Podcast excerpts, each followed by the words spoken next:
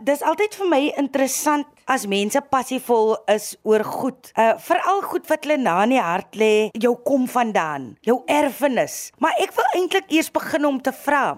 Heidelberg, daai plek lê jou na in die hart. Vertel ons gou net bietjie. Ja, ek dink Heidelberg is 'n besonderse plek met besonderse mense. Ons presteer op gebiede, ek praat spesifiek van klein dorpies soos Heidelberg presteer. En die geskiedenis van die dorp bewys dit dat hier dinge in die dorp gebeur. Ons mag klein wees, maar so waar um Heidelberg is tops. Die kerkgebou is eintlik 'n hartseer saak, is 'n teer saak vir julle. Maar daar's tog hoop, maar julle het hulp nodig. Maar kom ons begin by die hoop. Die kerkgebou was julle eerste plek van aanbidding tot in 1977. Vertel ons gou daarvan. Ja, die kerkgebou is en eintlik is 'n gemeente gestig in 1856 en uh, so het die gemeente mos nog gegroei naderhand het dit eers as 'n independente kerk so dit die sendelinge was en later het dit die congregational kerk geword. En so het die gemeente wat hoofsaaklik in die Bosoller jy ken mos die Bosoller in die Bosoller gewoon gewoon het hulle was eintlik die meeste was eintlik die lede So het ons nou net 22 jaar toe kom die groepsgebiede wet as die kerkgebou in die middel van die dorp of binne 'n gebied area wat blank verklaar is staan, dan moet die kerk ook mag gaan wanneer mense gaan. En die gemeenskap van die Bosolder het getrek. Hulle is almal hier vestig. Hulle is geforseer om om na die ander kant van die N2 te trek. Die gevolg was die kerk was genoodsaak of die kerkbestuur was genoodsaak om te gaan kyk sal die mense dan nou 3 km loop, hulle gewoond was nou net 200 meter loop. So hulle moes die gemeente akkommodeer, daarom met hulle toe nog getrek na die ondersoler toe waar die kerk tans in Geldenis weer staan. Maar ons hart bly verbonde aan daar waar die fondasie van ons geloof gelees, die fondasie van ons opvoeding gelees by Stewart School, die Stewart Congregational School en en dis eintlik baie baie hartseer dat so iets met 'n gemeenskap moes gebeur. Wat gebeur toe met die kerkie? Staan hy toe nou net daar in hy vergaan? Die kerkie behoort toe mos nou aan die munisipaliteit. En hulle besluit onmiddellik om daardie kerk in 'n kleuterskool te te omskep. Hoofsaaklik vir blanke kinders op daardie stadium. En eers later het mense weer, jy weet seker na die demokrasie kon ons kinders daar ingaan. Maar die hartseer ding was dat hulle van ons kerk 'n skool gemaak het en dit het nie lekker op ons harte gaan sit nie. Dit was ons plek van aanbidding. Hulle die struktuur binne verander. Daar's goed verander binne die kerk. Ek het eendag daar 'n ding gekry, 'n pyramid gekry by iemand in die huis. Toe sê sy maar sy daai ding op 'n vullishoop opgetel. Op die pyramid staan daar God is liefde. Wat toe lê God ons liefde lê op 'n vullishoop. Die dit moet nou weggegooi word. Hoe ironies, né? Julle kry toe die kerk terug.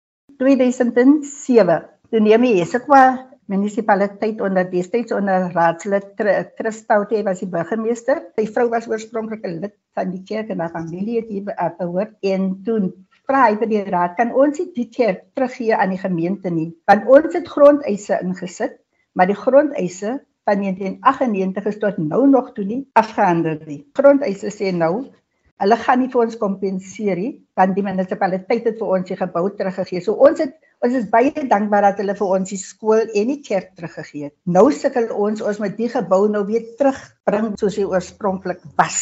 Dis waar ons nou is. Ons die kerk het verwaarloos na die kleuterskool uitgetrek het, het die kerkgebou verwaarloos. Gelukkig was hier 'n paar ooms wat nou net so hulle, jy weet, hulle oog op die op die op die gebou gehou het. Maar in 2021 toe kom sien ons koster, daar is groot skade. So ons gaan met nou spring en is toe waar ons toe nou begin spring het, dat ons nou nog spring. Hoe gaan julle maak om daai geld bymekaar te kry? Dis maar 'n moeilike proses om daai skade te herstel. As ons gaan kyk na die skade, dit word beraam deur uh, deur die argitek wat uh, na die gebou gekyk het. Alles beraam het gaan omtrent so uh, 1 miljoen rand kos. So dis 'n klomp geld vir 'n kerk vir mense wat nie geld het nie. By arme mense is dit maar rand baie geld. So ons het nou maar klein begin ons doen aansoek by by instansies wat geld spesifiek gee vir historiese uh, uh, geboue wat moet wat restoreer word. Uh, die een instansie het nou al vir ons verlede jaar so 'n klein bedragie gegee waarvoor ons baie baie dankbaar is want dit het ons daarom ten minste aan die gang gesit. En dan het ons nou projekkies aangepak uh, met die gemeente self want ons wil hê dat die gemeente moet voel ek het ook 'n bydrae gemaak. Ja. Al is dit hoe klein. So ons het 'n so 'n koevertjie wat ons uitgee en ons moet sommer koop 'n steen vir 'n 100 rand. En dan sien jy dat elke gesin in die gemeente of 'n individu sit 'n 100 rand in 'n koevert. Dis hulle bydra tot die projek. Leon Kleit. Ja, hy's by Peniel Kerk. Nou hulle het nou ingestem dat hulle gaan vir ons help en vir ons wys waar kan ons oral nou nog aansoek doen vir befondsing.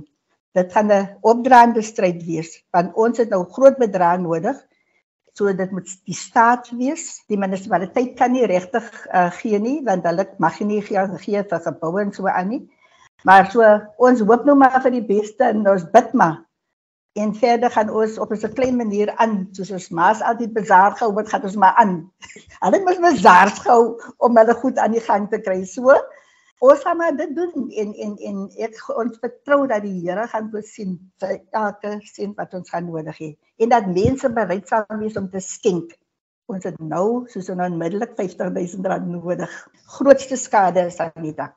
Idee met die met die kerk daaronder sal dan wees om ons geskiedenis te gaan bewaar. Ons kom vandaan te gaan bewaar. Ons sal graag die kerkgebou wil sien as 'n simbool van hoop as 'n simbool van versoening wat mense van ons dorp, van ons gemeenskap bymekaar sal bring. Ons oorweeg het om 'n museum daar te vestig, maar nie net 'n museum waar mense net ou goed gaan neersit nie, maar 'n museum wat met mense gaan praat oor die verlede, maar ook oor die hede en oor die toekoms. Baie van ons kinders ken nie die die geskiedenis nie. Hy gaan nie net daar staan om weer te verwaarloos nie. Hy moet dik hier staan om regtig waar 'n simbool te word van dis hoe ons as gemeenskap saamgewerk het om 'n nuwe ding op Heidelberg te doen met 'n ou ding. My selfoonnommer is 072 01 44501. As mense miskien by wil op per e-pos kontak, is dit hulle kan op Facebook ook net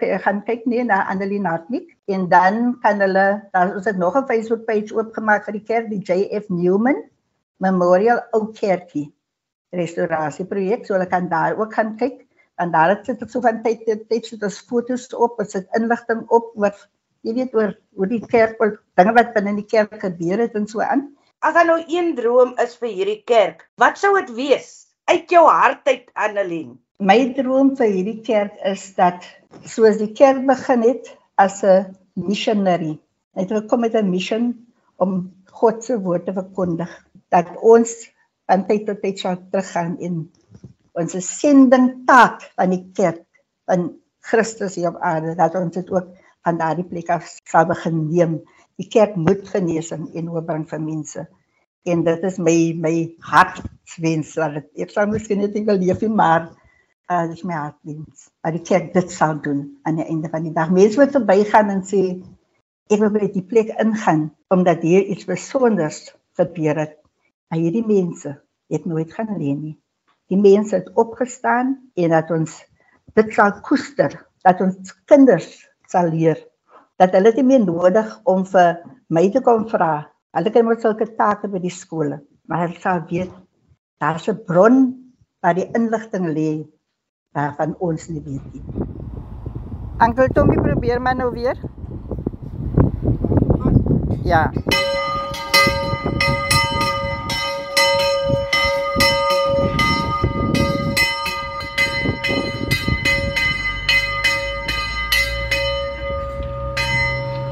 Dis reg so, Ankel Tommy, dankie.